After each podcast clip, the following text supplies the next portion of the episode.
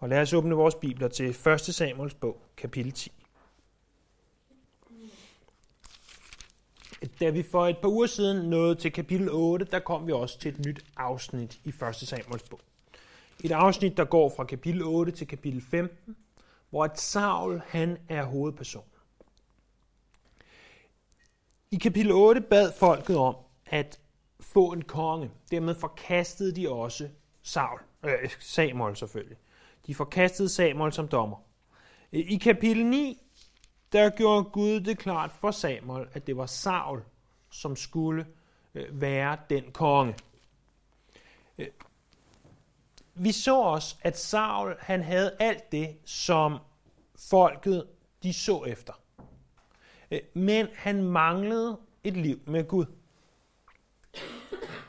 I kapitel 10, der øh, ser vi så, at der bliver lavet om på det. I kapitel 10, der bliver Saul, han bliver salvet til tjeneste, således at hans tjeneste ikke er ved magt, og ikke er ved styrke, men ved Guds ånd. Eller det er i hvert fald meningen, at det skal være sådan. Øh, det er lige ved at næsten det, der kommer til at ske. Øh, vi ser her i kapitlet, at først så salves Saul i vers 1-16, og dernæst så udråbes han til konge i vers 17-27. Vi ser, at der sker ting med Saul, som gør, at han næsten kommer på retsspor. Og det er det udtryk næsten, jeg godt vil have, at vi går herfra med i dag. At han var lige ved at næsten at være der. Han var lige ved at næsten og kunne være blevet en god kong. Og til sidst vil vi konkludere noget i retning af, om vi næsten lever det kristne liv. Om vi næsten er der, hvor Gud ønsker, vi skal være. Lad os først se på, på vers, vers 1-8.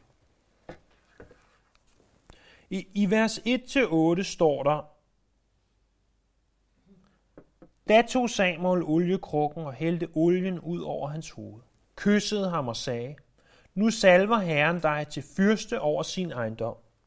Når du i dag forlader mig, vil du møde to mænd ved Rakels grav i Selsa i Benjamins land. De vil fortælle dig, at æslerne, som de gik ud for at lede efter, er fundet, og at din far ikke længere tænker på æslerne, men er bekymret for jer og siger, hvad kan jeg gøre for min søn? Når du går videre derfra og kommer til taberegnen, vil du møde tre mænd, der er på vej op til Gud i Betel. Den ene bærer tre kid, og den anden tre brød, og den tredje en krukke vin. De vil hilse på dig og give dig to brød, og du skal tage imod. Derefter kommer du til Guds Gibea, hvor filistrenes guvernør bor. Når du går ind i byen, vil du støde på en flok profeter, der er på vej ned fra offerhøjen.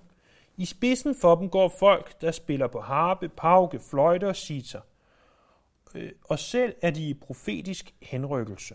Herrens ånd vil gribe dig, så du kommer, til, kommer i profetisk henrykkelse sammen med dem og bliver forvandlet til et andet menneske. Når du ser disse tegn indtræffe, kan du udrette, hvad du vil, for Gud er med dig. Gå i forvejen ned til Gilgal, så kommer jeg ned til dig for at bringe brandoffer og måltidsoffer. Vent syv dage, til jeg kommer og fortæller dig, hvad du skal gøre. Vi ser først, at Samuel han salver og taler til Saul. Han, øh, Samuel, var sammen med Saul, øh, gået ud af byen. Tjeneren var også med, eller ham her kalen der. Og øh, han sender så kalen afsted hjem. Og så er det i forvejen. Og så er Saul der, og Samuel der. Og så siger Samuel, eller snarere tager Samuel den her oliekrukke og hælder ud over hovedet på Saul. Det at salve nogen er ikke i sig selv noget åndeligt.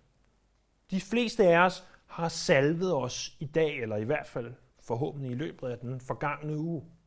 Fordi at det, vi smører noget shampoo i håret, eller noget creme på et eller andet sted, det er, at, at vi salver os. Det, det er en slags salve. Det i sig selv er ikke noget øh, helligt eller forvandlende i. Det, der er vigtigt i salvingen, er det symbolske. Den olie, som Samuel han bruger, det var den samme olie, som man brugte til at salve præsterne. Når man tog den her olie, så beskriver salme 133, vers 2, at olien kom simpelthen til at flyde ned over hovedet på en. Og det vil sige, at man, man blev simpelthen badet i olie. Og øh, det gjorde, at Saul han ikke ville komme til at glemme den her begivenhed. Hans hår blev, blev meget, meget fedtet, og, og hans tøj blev formodentlig i en eller anden grad ødelagt af al den her olie. Grunden til, at Saul den her dag bliver salvet, er fordi han er udvalgt til tjeneste for Gud. Men han vidste godt, og Samuel vidste godt, at han kunne ikke gøre den tjeneste i sig selv. Han var nødt til at have Gud med, hvis han skulle være en konge for folket. Så han lader sig salve, og han anerkender, at opgaven den var for stor for ham selv. I det kristne liv har vi en parallel til den her salving med olie. Det er det at blive fyldt med Helligånden. Når vi beder om at blive fyldt med Helligånden, øh, så siger vi, jeg kan ikke klare det kristne liv selv. Jeg har brug for hjælp. Salvingen er ikke det eneste, som Samuel han gør. Han kysser ham også. Og det er lidt som man ser på film eller læser i bøger, at når nogen går hen og kysser kongens ring for eksempel, så siger de, jeg anerkender, at du er større end mig, og du har autoritet over mig. Øh, for Samuels vedkommende var det også at sige, ja, jeg anerkender, at Gud har udvalgt dig til konge, og du skal vide, at jeg står bag dig. Jeg bakker dig op i det valg. Og så begynder Samuel at tale til Saul, og han siger, nu salver Herren dig til fyrste over sin ejendom. Hvad for en ejendom? Jo, Israel blev set som Guds ejendomsfolk. Det er det, vi læser om i 5. Mosebog, kapitel 4, vers 20. Og Saul, han skulle være fyrste over Guds ejendom, over Guds folk. Så begynder Samuel at sige nogle ting til Saul her. Og det fortsætter helt ned til slutningen af vers 8, som vi læste før. Det han siger, det er, du får en, en stor opgave. Og jeg er godt klar over, Saul, at når en stor opgave ligger foran dig, så vil du gerne bekræftes i, at det er rigtigt, at du skal være konge. Derfor vil der nu ske øh, tre forskellige ting, som bekræfter, at, at du skal øh, at du skal være konge. Tre forskellige tegn vil der komme til at ske. Og jeg tror på, at hvis Gud han kalder os til noget ekstraordinært, eller til noget, noget større i vores liv. Vi, vi taler ikke om, at, at du hører fra Gud, at, at nu, skal du, øh, nu skal du altså til at læse mere i Bibelen, eller nu skal du til at bede mere. Det ved vi godt, at det er rigtigt og sandt, så det, det er nok ikke forkert. Men i mit eget liv kan jeg give jer et eksempel. Da Gud kaldte mig til at plante den her menighed øh, tilbage i foråret 2006, der arbejdede han langsomt, men sikkert i mig. Øh, han, han havde talt til mig om det her igennem lang tid. Og i foråret 2006, der var øh, René og jeg og nogle andre øh, en tur i, i Tyskland nede ved Calvary Chapel Siegen. Og dengang, hver gang jeg kom til en Calvary Chapel, så tænkte jeg, at jeg ville ønske, at vi havde en Calvary Chapel i Danmark. Og øh, til de af der kender mig, så ved jeg, at jeg godt kan lide bøger, og jeg kan godt lide at købe bøger også, selvom jeg ikke lige får læst dem lige med det samme. Og det gjorde jeg også der. Og jeg havde hørt godt om en bog, der hed The Making of a Man of God by Alan Redpath. En bog, som vi i øvrigt kommer til helt sikkert at høre meget mere fra i de øh, kommende uger, for den handler nemlig om Davids liv. Så når vi når kapitel 16, 15 stykker, så øh, vil vi helt sikkert komme til at høre mere fra The Making of a Man of God. Men, øh, da jeg tog den bog og satte mig i øh, bilen på bagsædet, vel og mærke, og kiggede på, øh, på bogen, så stod der noget om den mand, der havde skrevet bogen. Alan Redpath stod der. Forlod sin stilling som, som revisor for at følge Guds kald og prædike evangeliet. Jeg tænkte, hold da op fordi som I nok også ved, så er det revisor, jeg arbejder så. Åh, tænker jeg. Det var kun en til to måneder senere, at jeg så var til, til noget, som, som hed Youth Church. Det var en ungdomskirke her i byen, hvor der kom, øh, da vi var flest, tror jeg, var 300 yngre eller unge mennesker, øh, der samledes for at tilbede Herren og, og prædike evangeliet. Og det var sådan et fælles kirkeligt arrangement. Og så ham, der talte den aften, han var, åh, oh, så kedelig, synes jeg. Han sagde ikke noget, han talte ikke til mig. Og, og jeg sad bare på allerbærste række og, og fordømte hans elendige prædiken. Pludselig så kommer han med en illustration. Og han siger, tænk så nu, at hvis du studerer 12 år til at blive revisor, men Gud har kaldet dig til at prædike evangeliet. Og som I nok kan regne ud, så ramte det mig som et øh, ton of bricks, som man siger på engelsk. Og øh, jeg gik op til ham bagefter og sagde, er du klar over, hvad jeg laver? Nej, det var han ikke. Og jamen, jeg er revisor han holdt op. I dag er han faktisk kunde hos os ham her. Øh, men det er så, hvad det er. Og så var det, øh, 7-8 måneder senere, da vi havde sådan set besluttet at, at, start, at lave, øh, starte et bibelstudie hver tirsdag, eller onsdag, eller hvornår det var, hver onsdag. Øh, da vi havde besluttet det, så, øh, så skrev jeg til ham her, Brian Broderson, som, som jo var, øh, eller er, Chuck Smiths svigersøn, som, som var over i Calvary Chapel Custom Så jeg havde nogle spørgsmål til ham, og så ville jeg også bare godt lade ham vide, at vi ligesom havde planer om det her. Jeg skriver til ham og siger, du skal vide, at, at, øh, at vi har tænkt os at starte en, en menighed. Og så skriver han tilbage til mig, du, du vil aldrig tro på, at det her er rigtigt, når jeg skriver til dig, men, men vi sad for få dage siden, altså inden for en uge, før jeg skrev til ham, og jeg bad specifikt for dig ved navn. Han kendte mig fra da jeg var på bibelskole. Brian, han troede nemlig, at han var dansker, fordi han havde bruder sendt til efternavn, så han var helt sikker på, at han kom med dansk afstamning. Så, og han bad for mig, sagde han, ved navn at jeg må indse, at det var Guds kald over mit liv at plante en menighed i Danmark, og jeg ikke skulle sidde og vente på nogle andre, der kom og gjorde det. Og, og selvom vi allerede på det tidspunkt havde besluttet, at nu, nu starter vi det her bibelstudie, så var det igen en vidunderlig bekræftelse i, at vi var i Guds vilje, og vi gjorde det rigtigt. Så mange gange igennem årene, når det har været svært, når vi har siddet tre, to, tre, fire mennesker, og jeg tænkt, åh, det er håbløst det her. Så har jeg kigget tilbage på de bekræftelser og tænkt, jamen det er Guds vilje, at vi er her. Og så sent som sidste søndag, da vi heller ikke var ret mange, eller onsdag, eller hvornår det var, der tænkte jeg, det kan godt være, at vi ikke er mange. Men os, der er, vi bliver opbygget i Herren, og vi går dybere med ham. Og vi lever et liv for ham sammen. Og hvor jeg takker Gud for, at han bekræftede for mig, hvorfor det er, at vi er her. Og han bekræftede for mig, at jeg gør det, som var hans kald over mit liv. Og viser også, at jeg var en smule tung at der skulle så meget til, før jeg gjorde det, som han kaldte mig til. Saul vil på lidt samme måde, men lidt hurtigere, nemlig samme dag, få bekræftet tre gange, at det var Guds plan nu, at han skulle være kong. Det første, der skulle ske, det var, læser vi, at han møder to mænd ved Rakels grav. Hvad han gør ved Rakels grav, ved vi ikke helt, for det var noget øh, af en omvej fra, hvor han var. Og øh, de vil fortælle dig, at de æsler, som du ledte efter, de er kommet hjem.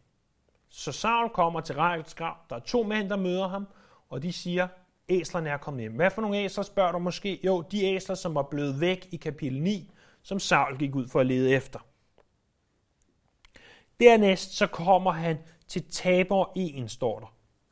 Og øh, her møder han tre mænd, de er på vej til Betel. Det er ikke det Tabor, som øh, er det nordlige bjerg, øh, bjerg op i nordlige Israel, der hedder Tabor. Nej, det, det her har været et andet Tabor, som vi ikke kender til. Det var nemlig i nærheden af Betel.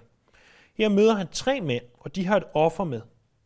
Og vi får meget, meget specifikt, at den ene af dem, han bærer tre kid, og den anden tre brød, og den tredje en krukke vin. De vil hilse på dig, og det vil give dig to brød, som du skal tage med. Det er meget, meget specifikt. Der står senere i vers 9, ser vi, at alt det her kommer til at ske til punkt og prik. Og det bekræfter for Saul, at jeg er kaldet til at være konge af Gud. Jeg er salvet til at være konge af Gud. Den ene af dem giver to brød. Det er en måde at vise, at, at Saul han er deres konge. At det, som, som skulle have været øh, et offer til Gud, det får Saul. Det tredje møde, det kommer til at ske i Guds Gibea, står der. Gibea hed det sted også, hvor Saul kom fra, og vi må, vi må formode, at det er det samme sted.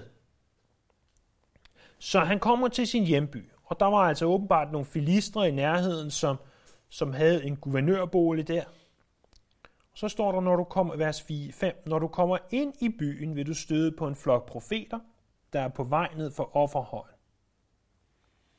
I spidsen for dem går folk, der spiller på harpe, pauke, fløjte og sitar, og selv er de i profetisk henrykkelse. Så Saul han møder nogle profeter og nogle, der spiller på nogle instrumenter. Og de er i profetisk henrykkelse. Jeg har i alle år, når jeg læste det her, undret mig over, at vide, hvad profetisk henrykkelse betyder. Lige indtil her den anden dag, da jeg rent faktisk studerede afsnittet, og så, at i samtlige andre oversættelser, øh, undtagen den danske oversættelse af 1992 og øh, den danske oversættelse af 1931, eller hvornår det er, øh, der står der profetisk henrykkelse. Alle andre oversættelser, der står, at de profeterer.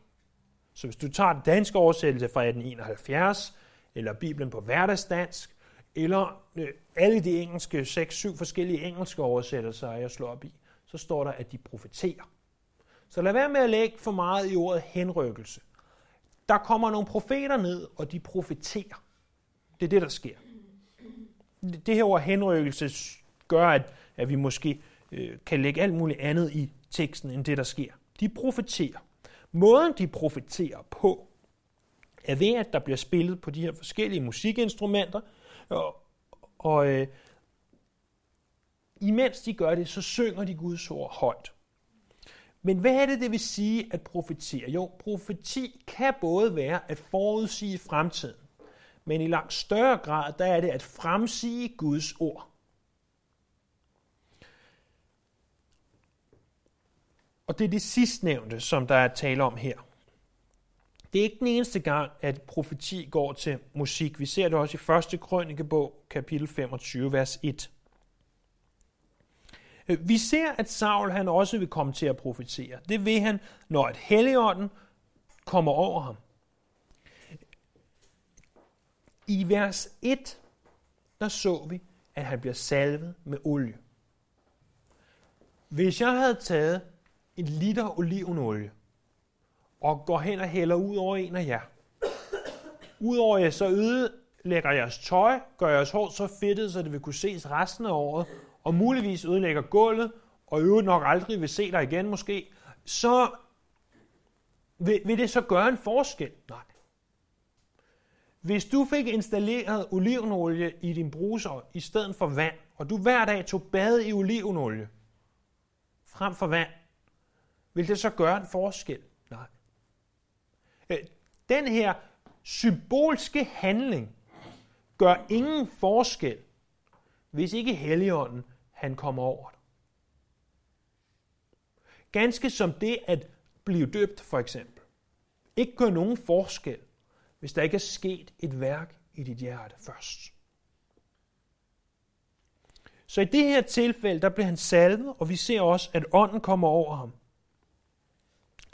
Når jeg tænker på Saul, og jeg for eksempel tænker på det, vi så i kapitel 9, med at han kommer gående der og leder efter sine æsler, men det viser sig, at han har aldrig hørt om Samuel.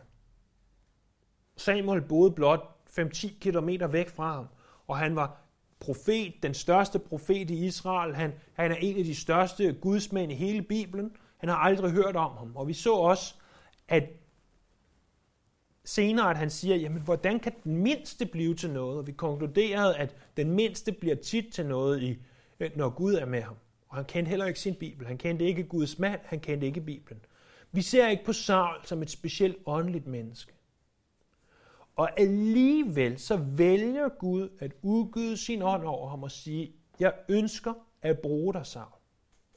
Og selvom du er kommet her i dag og tænker, oh, jeg er ikke så åndelig som ham eller hende, der sidder over for mig, eller ved siden af mig, eller på rækken ved siden af mig. Selvom du tænker det, så for det første er det langt fra sikkert, det er sandt. For det andet, så uanset hvor du måtte være i dit liv med Gud, så kan Gud bruge dig. Gud kan bruge dig. Og han ønsker også at bruge dig. Vi ser også, at Saul bliver til et andet menneske, står der. Vi skal ikke forveksle det her med vores nytestamentlige teologi. I nytestamentlig teologi, der ved vi, at vi bliver født på ny. Vi får et, et nyt hjerte. Vi, vi, øh, vi bliver en ny skabning i ham. Noget, der ikke kan laves om på igen. Øh, det er ikke det, der er tilfældet her. Øh, at han bliver et andet menneske, skal nok mere forstå som, at, at nu får han kraften til at være konge. Han får øh, det, der skal til at, at, at regere, og at han får lysten til at regere os. Og, og også, at han er med til det her med at profetere.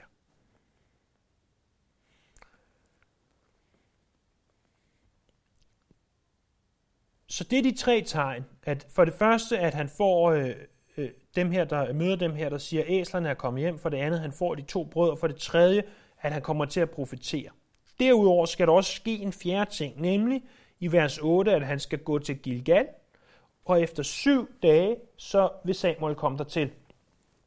Når, når Saul skal gå til Gilgal, så er det jo, at konger, de er jo sjældent nogen, der venter på andre, men, men Saul skulle gå der til at vente på Samuel.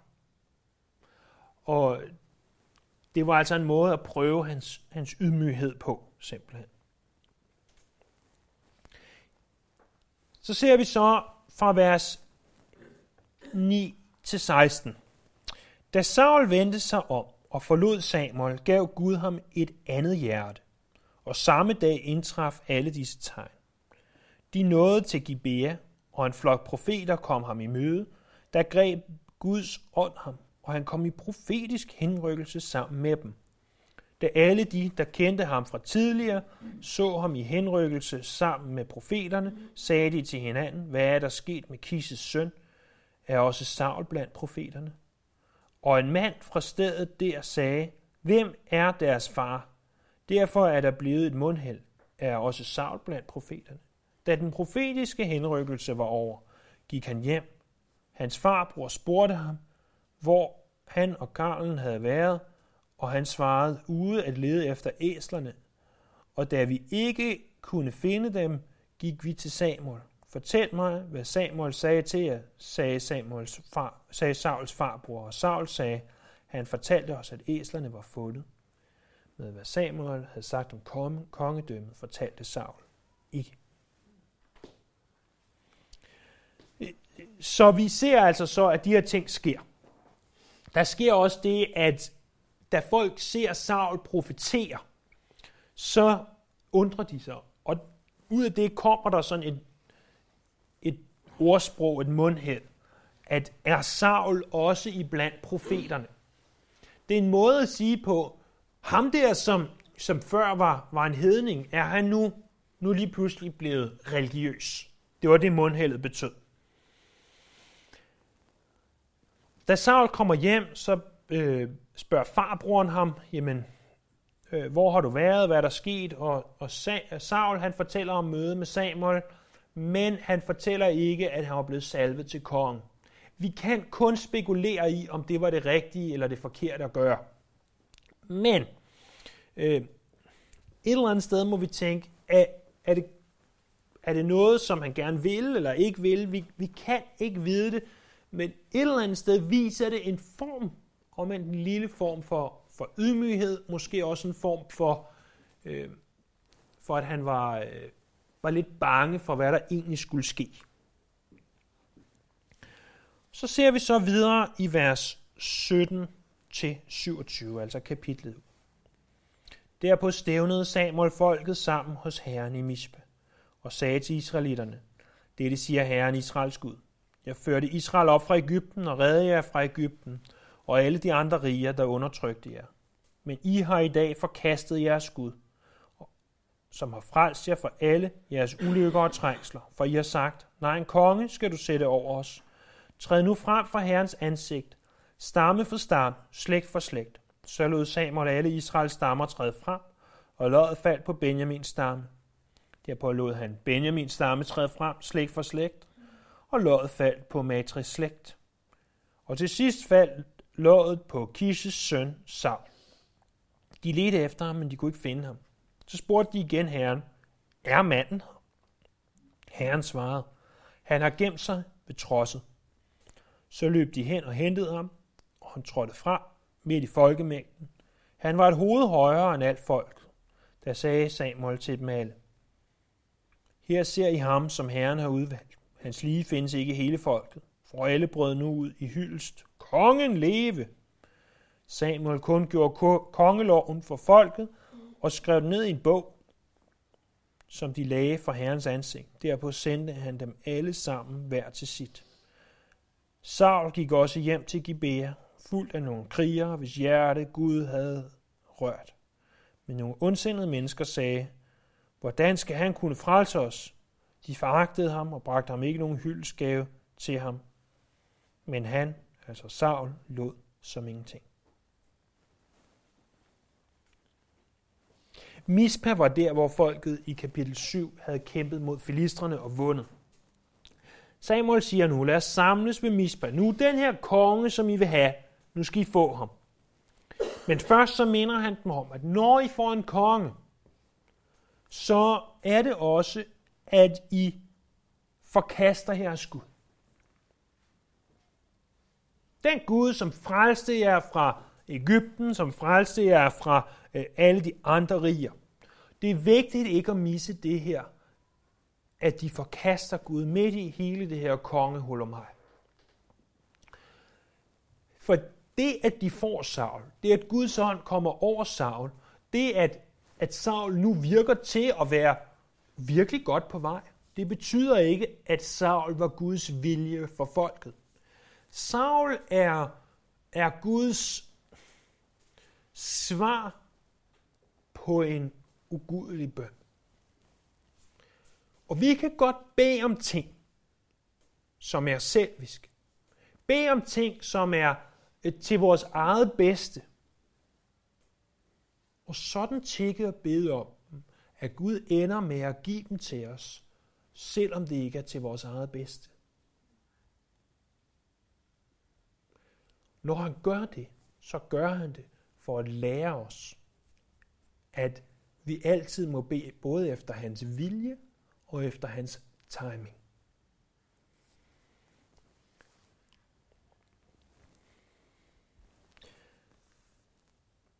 Den måde, de udvælger på, det er en måde, som også bliver brugt andre steder i det gamle testamente, nemlig ved at kaste lod. Så de kaster lod, og det bliver Benjamins stammer, de kaster lod, og det bliver Matrix slægt, og de kaster lod, og det bliver Kish, og så kaster de lod igen, og det bliver Saul. Og på den måde, så, så viste de altså, det er ham her specifikt. Samuel havde ikke sagt noget om, det var Saul. Øh, Saul havde ikke sagt noget om, det var Saul. Men, men de, de vælger så at finde ud af, at Gud vil have, at det er Saul, som skal være den her konge. Men da de så har fundet ud af, at det er Saul, der er kongen, så kan de ikke finde ham. Så gemmer han sig ved trosset. Er nogen af jer, der ved, hvad trosset er?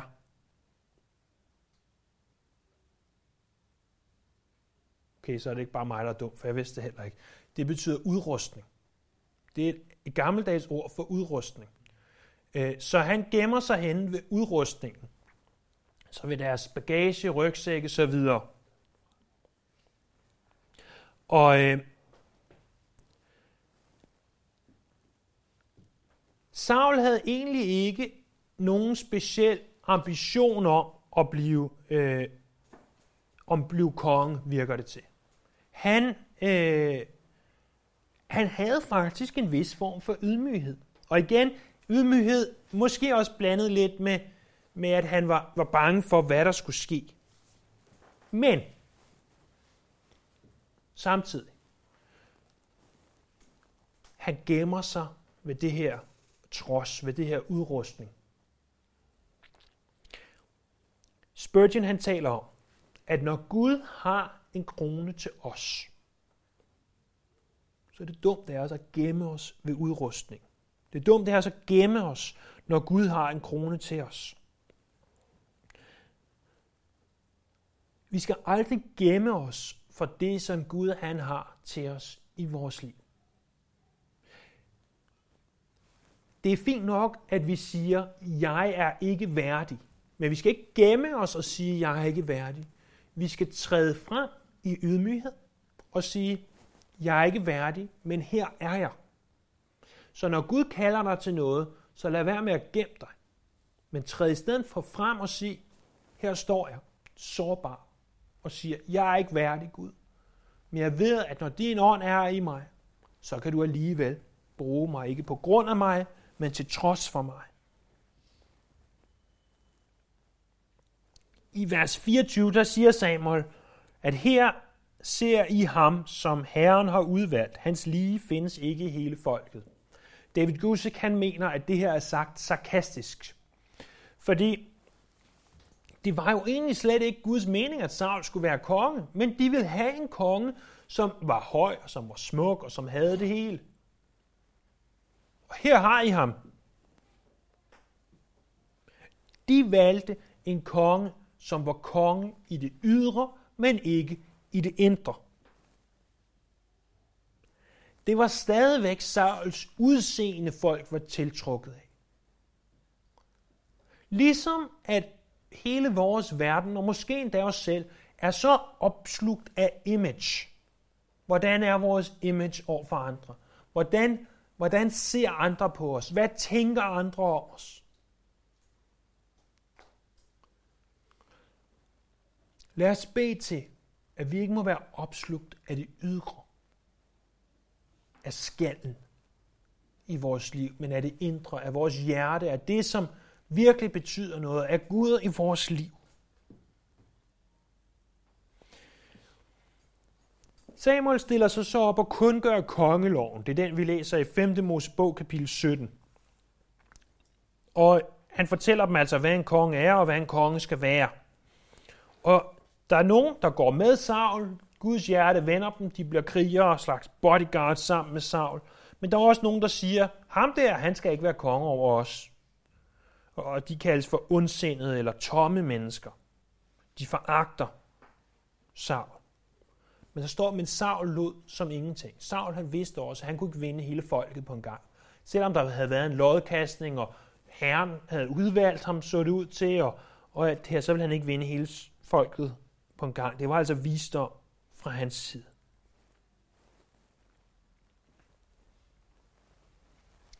Jesus fortæller os en lignelse. Han fortæller os lignelsen om sædemanden, der gik ud for at så. Her illustrerer Jesus i Matthæus kapitel 13, hvordan ordet vokser i mennesker. Afhængig af, hvad type jord eller hvilket type hjerte ordet falder i. Hvor modtageligt er hjertet. Og han taler blandt andet om det såsæd, der falder på klippegrund. På klippegrunden er der klippe, og så er der en lille smule jord. Det gør, at det hurtigt kan spire op. Problemet er så, at når øh, den solen i Israel står der og bærer ned, så har det her korn ikke dybe nok rødder til at kunne overleve, og så dør det ud. Sauls liv var som den her klippegrund. Det var et tyndt lag jord. Det gjorde, at, at hans hjerte øh, det kunne blive anderledes, i hvert fald for en stund. Han havde nærmest alt nu. Han så godt ud, han havde ydmyghed, han havde visdom, og han var en faktisk endda salvet fra Gud. Han havde profeteret, står der også. Men Saul havde ikke dybde. Det gjorde, at solen bagte, så blev det lille frø, der måtte have været i hans liv, afsvedet. Den spire gik ud. Saul han havde en god begyndelse, men han havde en elendig slutning i sit liv, som vi vil komme til at se. Vi kan ikke nøjagtigt sammenligne vores situation med Sauls.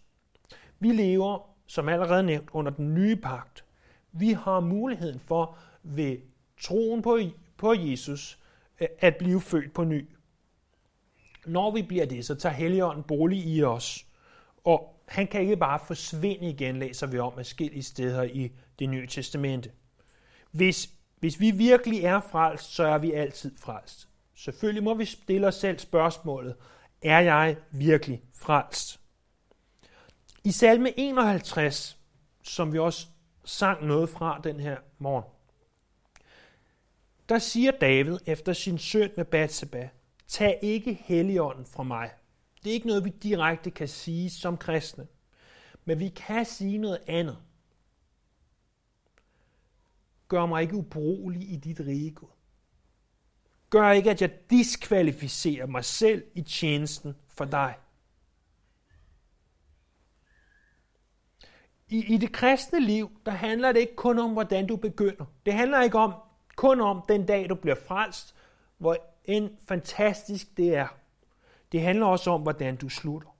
Specielt på den her årstid, hvor det lige har været nytår.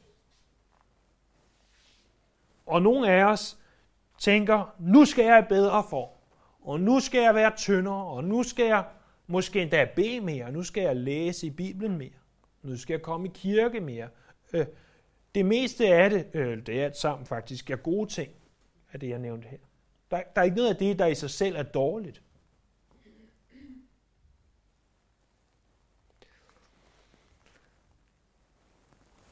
Så ved vi godt, at, at de af os, der sætter os ting for, der handler det ikke bare om, hvordan vi begynder, men hvordan vi slutter. Jeg kunne godt sætte mig for at sige, i år, der vil jeg løbe et maratonløb.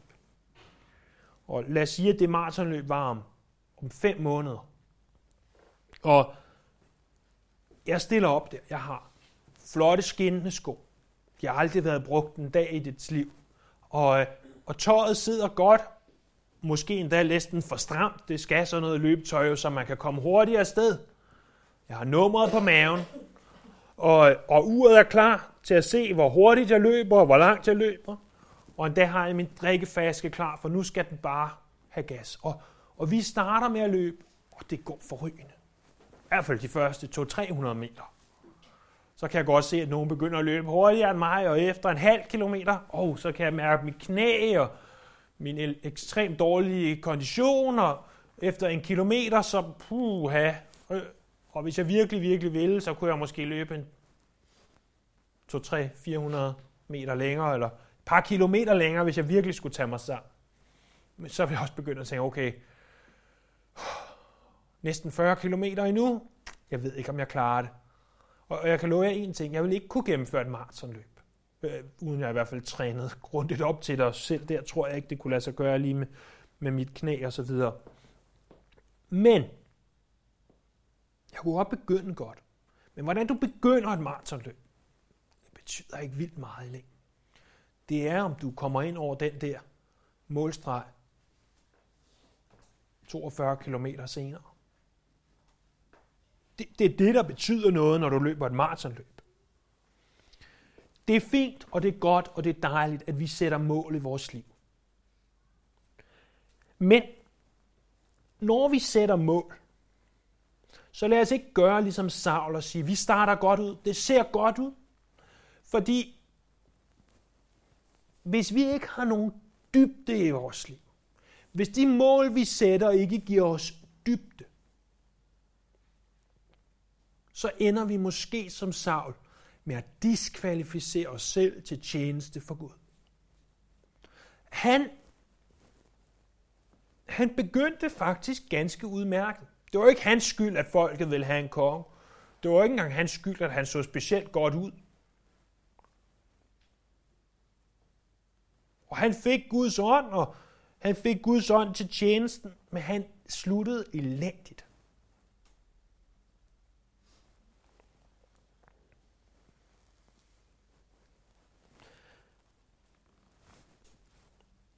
Lad ikke vores liv med Gud bare være begyndelsen på et marterløb. Lad ikke vores liv med Gud være plantet på klippegrund. Men lad vores liv med Gud være plantet i den gode jord. Lad vores liv med Gud fuldende, således at vi når til målstregen, til det, som Gud han har planlagt for os.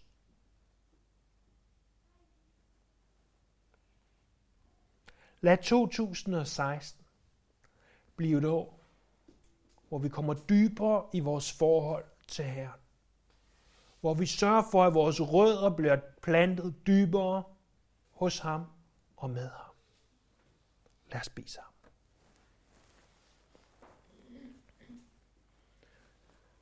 Tak, Jesus, at Sauls lige ved næsten gode begyndelse, men dårlige slutning, som vi senere vil se, kan blive et advarsel for os om, at vi skal huske at fordybe det med dig.